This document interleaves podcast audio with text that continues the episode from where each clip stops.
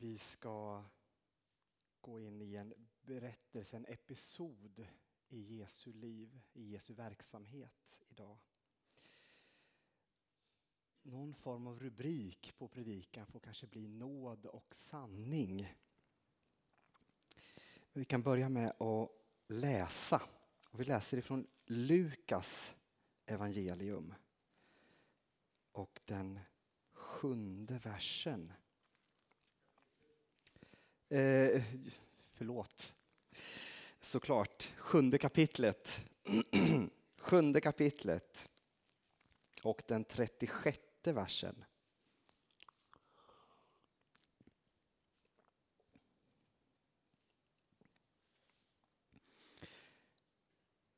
En av fariseerna bjöd hem honom på måltid och han gick dit och tog plats vid bordet.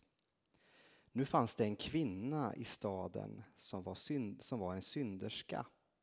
När hon fick veta att han låg till bords i fariseens hus kom hon dit med en flaska balsam och ställde sig bakom honom vid hans fötter och grät.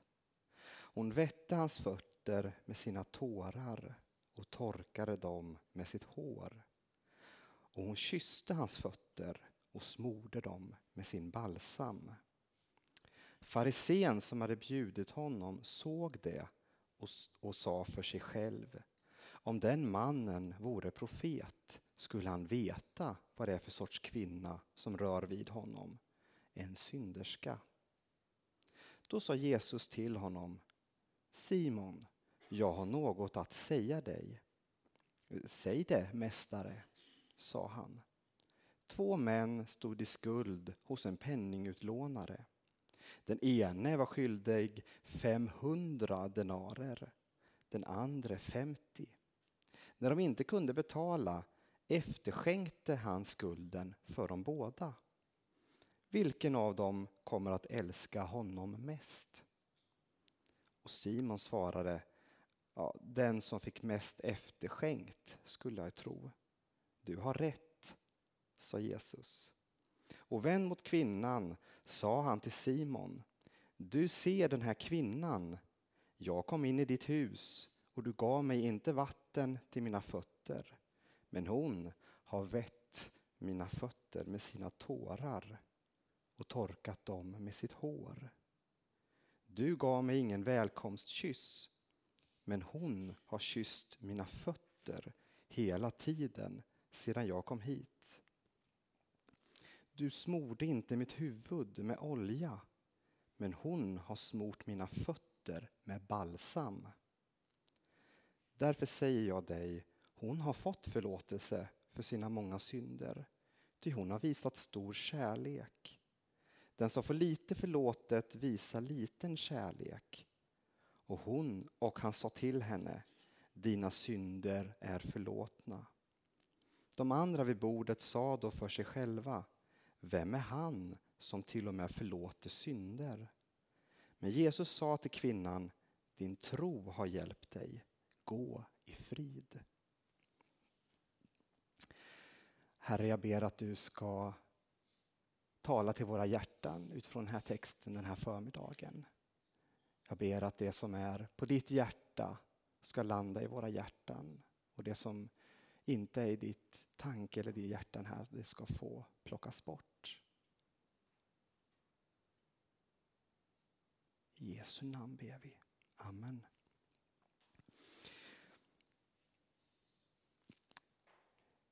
Vi ska med lite nyfikenhet på de här personerna försöka och se vad är det som händer? Vad är det som kanske händer lite runt omkring? Vad är inledningen till det som händer och vad eh, kanske händer efteråt? Jag tycker det är intressant att ställa lite frågor till personer och texter när man läser dem. Som barnens favoritfråga, varför då? Vad är det som händer? Varför då? Den där som barnen tjatar hela tiden till leda nästan när, man har, när de är små framför allt. Men det är en bra fråga också att ställa till bibeltexterna ibland. Varför? Varför kom den här kvinnan? Varför vågade hon göra det hon gjorde? Varför reagerade Simon som han gjorde? Ehm, jag har läst en bok när jag var yngre som fortfarande jag bär med mig väldigt mycket. En bok av eh, Per Lagerkvist som heter Barabbas. Där han skrev en roman, en fiktiv roman utifrån Barabbas perspektiv. Han som blev fri given istället för Jesus. Vad kanske hände i hans liv efter det här? Hur hanterade han situationen, han som var dödsdömd, att helt plötsligt bli frigiven? Och Jesus tog hans skuld rent faktiskt i det här fallet. För oss blir det ju en inre skuldbefrielse. För Barabbas, han blev ju faktiskt fysiskt, kroppsligt fri och Jesus tog hans straff istället. Och den här berättelsen om Barabbas visar hans inre kamp och, och försök att komma till någon slags försoning med att han blev frigiven. En väldigt stark och fascinerande berättelse, givetvis fiktiv men eh, ändå intressant. Men hela den här texten som vi möter idag, Eh, jag ser det nästan som en, om man ser den framför sig så är det nästan som en dramatisk slutscen i en film. Någonting har hänt innan den här kvinnans liv kanske var det kopplat till Simon, man vet inte. I en, I en film så skulle man kunna tänka sig att det kanske fanns någon koppling där. Men det är en kraftfull scen, väldigt dramatisk.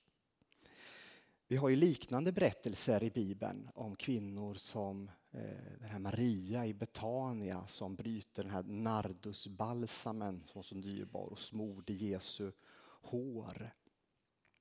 Och Johannes står att även smorde Jesu fötter. Eh, jag tror att det är en annan berättelse, det är inte samma berättelse. För den berättelsen återges ju också senare i Lukas. Jag tror inte att det är samma. Dels är det helt olika platser i landet, det är olika del i Jesu verksamhet. Och den, även om det är samma namn på personen han var hemma hos, det står Simon, eh, men han kallades den spetälske. Jag tror att det är någon som hade varit spetälsk men blivit frisk. Och där var Lazarus som låg till bords också. Eh, och det var en helt annat fokus på texten. Det handlade om där handlar det om i lärjungarna och pengar och det här med att hur slöseriet med de här pengarna som man kunde ge till de fattiga istället. Ett helt annat fokus. Så jag, jag vill absolut mena att det här är en helt annan episod. Det är inte bara olika vittnesskildringar av samma händelse. Simon var dessutom ett väldigt vanligt namn på den tiden. Så det var inte alls konstigt om de skulle heta likadant. Den här kvinnan, det var ju uppenbart en planerad handling från hennes sida. Hon hörde att Jesus var där, hon gick hem, hämtade balsam för att göra sin, utföra sin kärlekshandling på Jesus.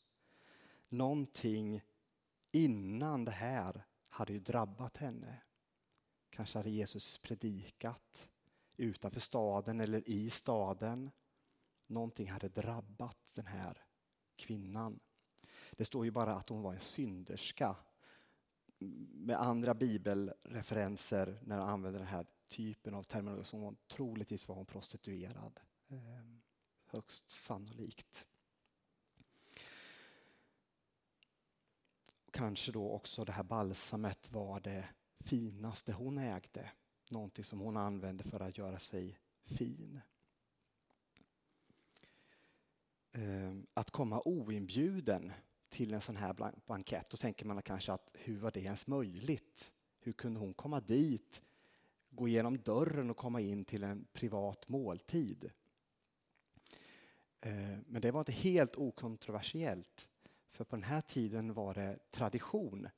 När man hade en större bankett i en stad, en, en förnäm person som ordnade med någon slags festmåltid, så var det tradition att, man, att de som var eh, stod liksom lägst i samhället, som var fattiga och som var eh, på olika sätt utsatta, de fick komma och ta del av eh, det som blev över på sådana här typer av fester. Så det var inte så kontroversiellt att hon kom dit. Men givetvis var det ju väldigt kontroversiellt som det, det hon gjorde.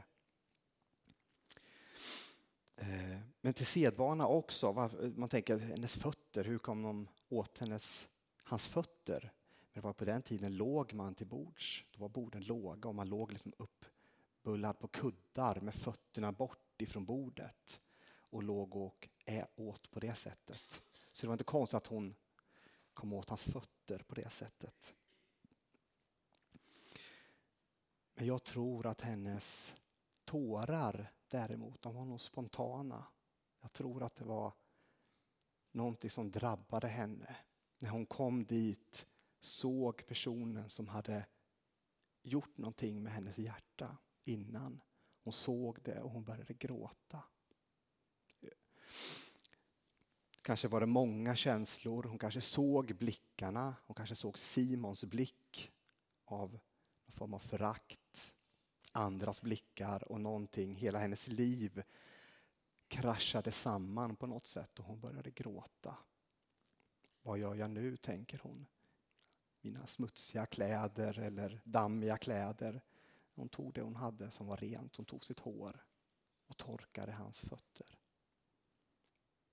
Och sen gjorde hon det som hon hade kommit dit för att göra, att smörja hans fötter.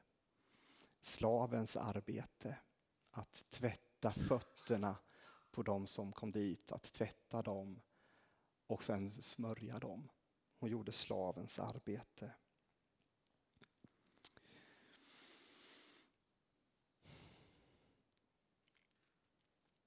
Jag tror hon hade mött en blick i Jesus som var befriande.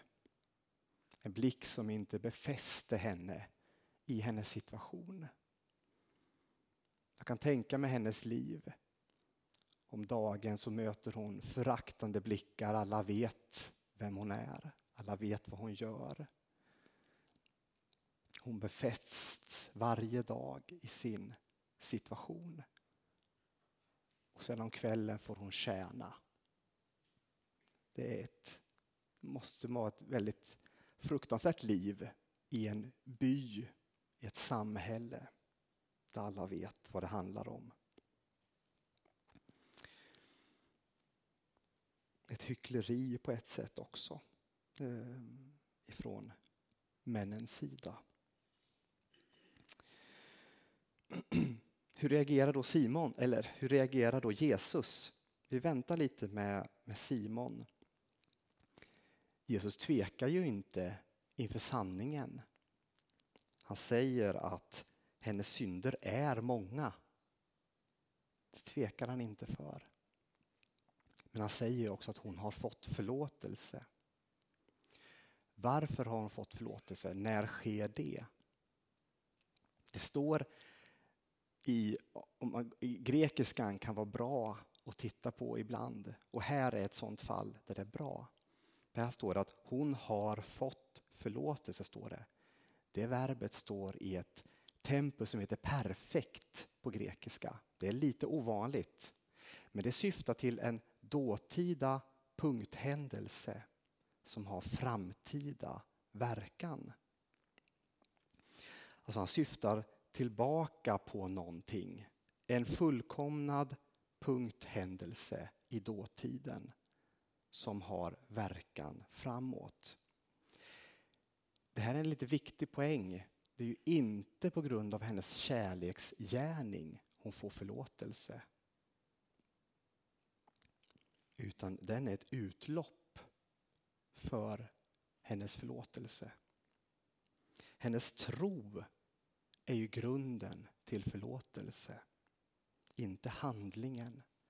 Även liknelsen i texten som Jesus säger att två stycken stod i skuld. Båda får skulden efterskänkt. Vem av dem visar störst kärlek? Jo, den som fått mest efterskänkt. Det är ju inte den som visar störst kärlek som får förlåtelse, då blir det ju en någon slags gärningslära. Jag tror att hon har lyssnat till Jesus, hon har tagit till sig hans ord och predikan om befrielse. Och hon kommer dit och ger sin kärleksgärning tillbaka. Hon uttrycker på något sätt sin kärlek till Jesus. Kanske har hon inte förstått att hon är förlåten. Men sen får hon ju också förlåtelsens ord. Jesus bekräftar förlåtelsen och han ger henne nådens ord. Gå i frid. Och hon kan ta emot det för att hon i tro har tagit emot förlåtelse. Jag tror att hon gick därifrån med huvudet högt.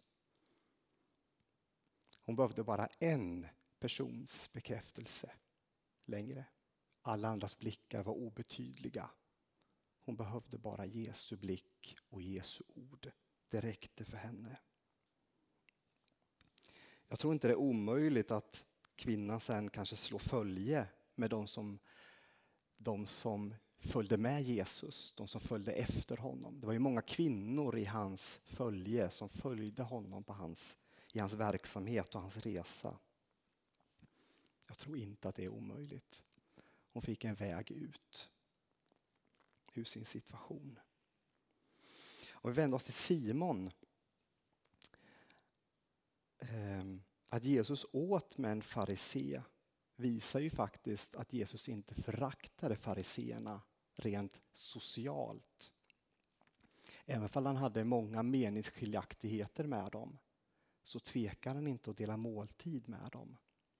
Det är också en viktig poäng, tycker jag, som Jesus visar ett sätt att, att vara som kristen också. Även om man har meningsskiljaktigheter med personer så tvekar han inte att dela måltid med dem. Varför bjöd Simon in Jesus? Det är också en intressant fråga att ställa. Ehm, var han en hemlig beundrare likt Nikodemus? Eh, jag vet inte. Det kan det vara så. Kan det vara så att det kanske var hans sociala plikt att bjuda in Jesus som högt uppsatt politiker, ämbetsman, hur man nu ska säga det. Han tillhör i alla fall fariseerna som ju var de styrande i många sammanhang. Kanske var det ren nyfikenhet. Kanske sagt Jesus hade predikat, han hade lyssnat intressant. Kom med hem till mig, dela måltid så kan vi kanske fortsätta och samtala.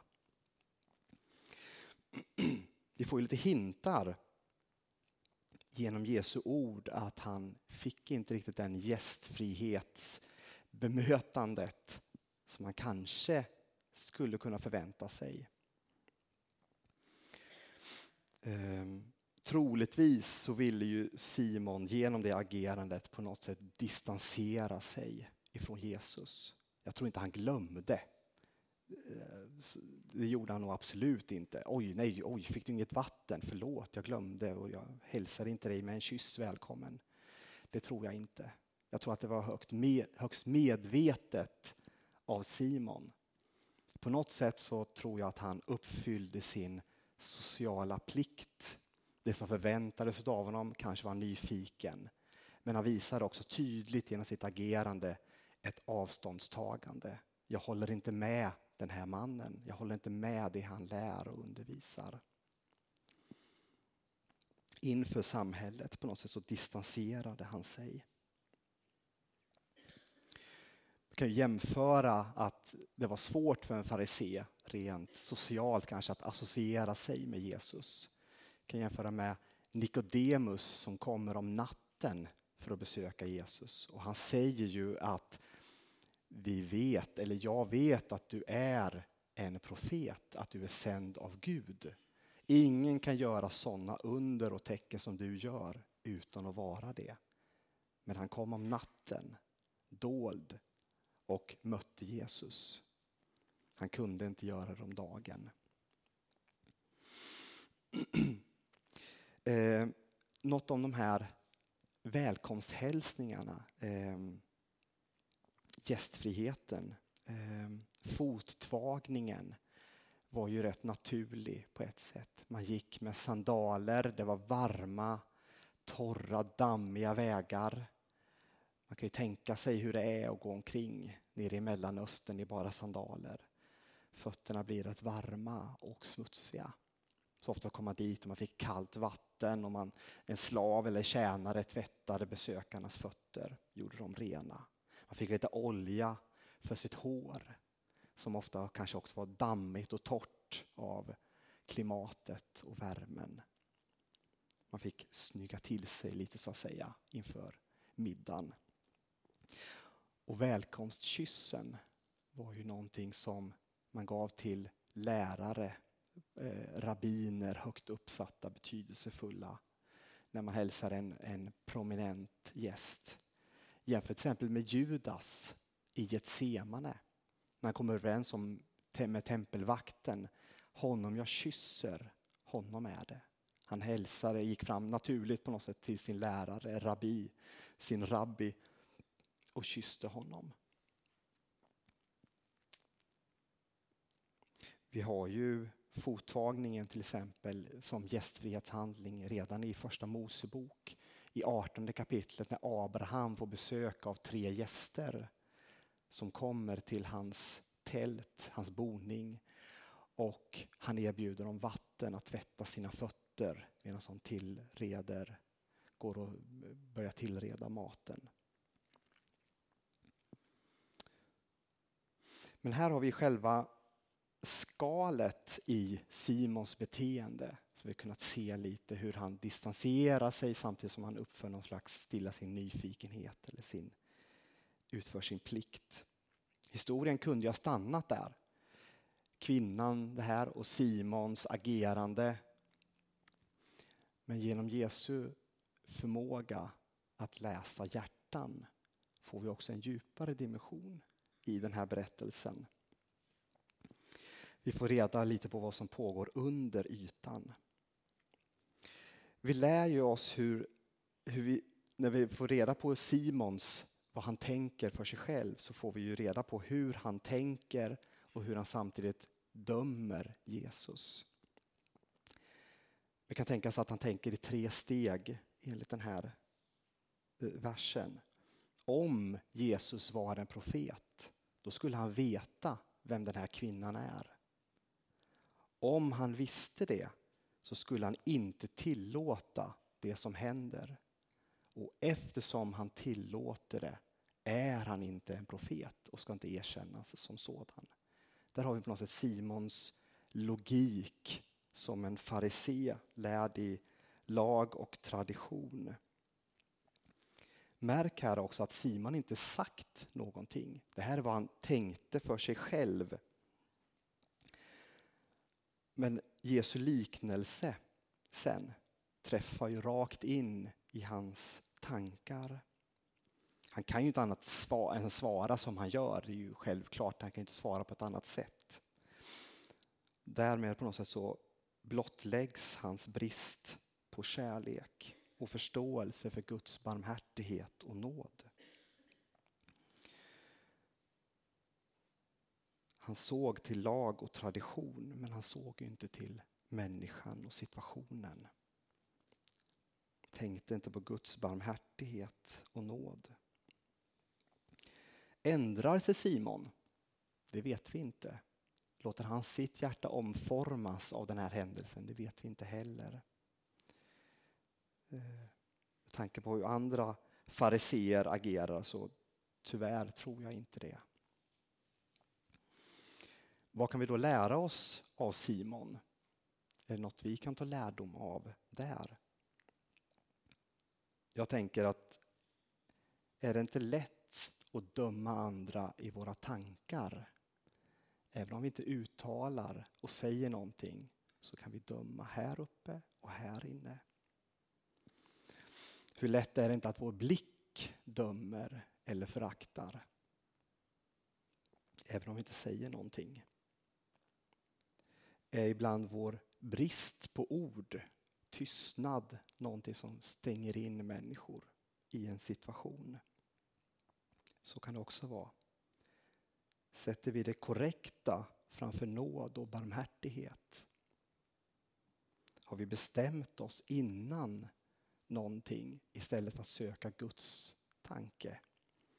Jesus agerar ju på olika sätt. Ibland bryter ju han med lag och tradition. Ibland håller han sig vid det beroende på situation. Och Det är det som är så svårt. Vi, vi kommer till det lite senare. Den här berättelsen som helhet visar ju på något sätt hur Jesus som alltid balanserar perfekt mellan nåd och sanning. Det står ju i Johannes 1 och 14, han var full av nåd och sanning.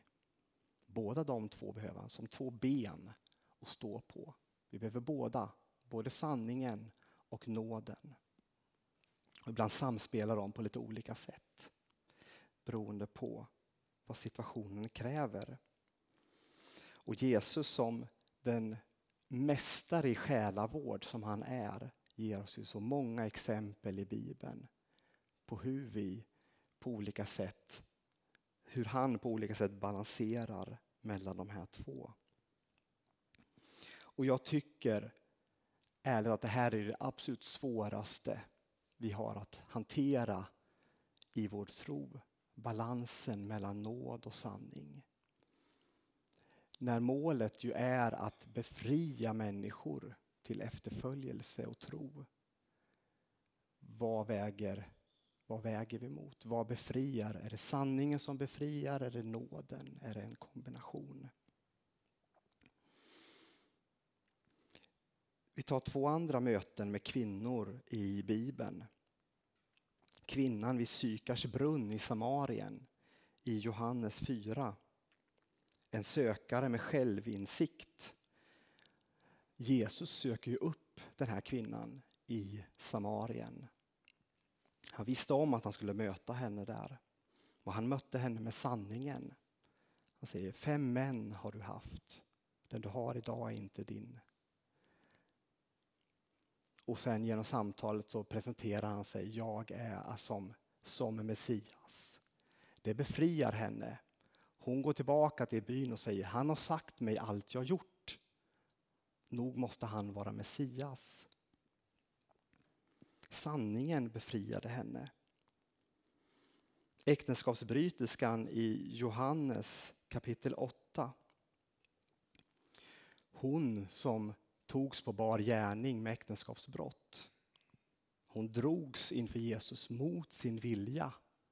Det var inte någonting hon hade sökt eller funderat eller tänkt på. Hon drogs inför Jesus. Kanske hon på vägen dit hade tänkt sig att nu är det min sista stund. Hon visste nog vad lagen sa. En kvinna som ertappas med äktenskapsbrott ska stenas. Hon kommer inför Jesus. Men istället för en säker död så möts hon av nåd, men också sanning. Säger inte heller jag dömer dig. Dina synd, gå och synda inte mer. Gå och synda inte mer. Han ger också sanningen. Att det är inte rätt det du gjort. Men först och främst mötte hon nåd inför en säker död. Och kvinnan i dagens text, hon söker ju upp Jesus. Hon har sett sanningen, någonting har hänt i henne och hon själv har beslutat att söka upp honom och hon möts av befriande nåd. Hon vet att hennes synder är många. Men någonting har hänt och hon möts av befriande nåd. hur Jesus balanserar mellan de här hela tiden beroende på situation. Och som förälder eh, så vet man ju att det här är ju ett jättesvårt vardagligt dilemma där man har regler. När ska man tillåtas att tänja och bryta mot reglerna? Och när ska man efterleva dem? Vad tjänar barnet bäst? att efterleva i den här situationen eller att i den här stunden visa nåd emot någonting man har gjort fel. När tjänade barnet bäst? Jag tänker om vi blev, tänk om vi blev riktigt bra på det här. Det här är ju så svårt. Det är jättesvårt att göra rätt i de här situationerna. Men med helig andes hjälp, precis som Jesus själv vittnar om sig själv. Han säger, jag kan ingenting göra av mig själv, endast det jag ser min fader i himlen göra. Jesus var helt och hållet beroende också av anden som skärskådar människors hjärtan. Han var beroende av det och vi behöver också vara beroende av det. Det här är ju på något sätt kärlekens väg. Den här balansen mellan nåd och sanning som Jesus visar så fantastiskt exempel på i den här texten. Något att ta med sig, eh, tänker jag, ifrån det här. Alltså, lite kanske den här djupare läsningen. Ställ lite frågor till texten. Det kan öppna jättemycket tankar och tankebanor som man kanske inte har tänkt på innan. Man läser texterna och man tolkar den som man har gjort tidigare eller man blivit undervisad och, och se. Men när man läser lite djupare och ställer kanske med frågorna varför då, lite till texten, så kan man komma långt. Och vad kvinnan kan lära oss eh, tänker jag att inte låta människofruktan hindra våra hjärtan eller styra oss. Utan Guds fruktan istället får styra våra hjärtan. Och Simon, att inte låta regler eller religion ta den plats som är Guds. Det är Guds person, det är Guds väsen som regler och tradition kommer ur. Men Gud står över det. Och därför behöver vi ibland söka Gud och Guds vägledning i väldigt mycket. Och Jesus då, och det här som jag varit inne på, att söka den här balansen som han var så bra på mellan nåd och sanning i varje situation och befria människor till efterföljelse och tro. Mm. Amen. Vi kommer ha förbön. Eh, kanske något har träffat dig, någonting som har berört dig på olika sätt. Sök förbön. Det behöver inte vara något stort. Det behöver inte vara det kan vara jättestort, det kan vara jättelitet. Du känner att du vill bli välsignad, få någon slags utlopp. Kanske som kvinnan få ett utlopp för någonting du bär, någonting, kanske bara en känsla du bär, få bara utlopp för den. Så ta det tillfället. Och efteråt så kommer vi sjunga eh, en psalm här, psalm 211. Arne och kommer att leda oss och kanske Gunnar också. Um, Herre kär, gå inte mig förbi. Ska vi sjunga. Vi ber. Herre, vi tackar dig för ditt ord. Vi tackar dig för ord som befriar oss till efterföljelse och tro. Jag ber att vi alla ska få med oss någonting idag. Någonting som landat i våra hjärtan, någonting som får växa. Jag ber Herre att vi ska vara ska bli, lära oss utav dig och bli lika duktiga på dig som dig. På att möta människor. Ge oss den blick som du hade.